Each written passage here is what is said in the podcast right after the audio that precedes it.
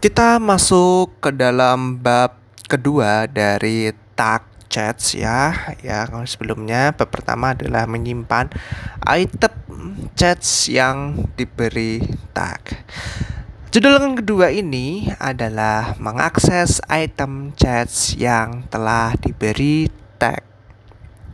Untuk mengambil item chats yang telah diberi tag, teruskan daftar tag yang diurutkan yang sama ke metode tags. Lalu panggil metode get tersebut dengan key yang ingin kita ambil. Contoh penulisannya adalah misalkan dollar $John sama dengan chats titik dua titik dua tags dalam kurung dalam kurung siku petik people, koma petik artis, kurung tutup anak panah get dalam kurung petik John. Ya ini dalam kurung getnya itu adalah item dari chats itu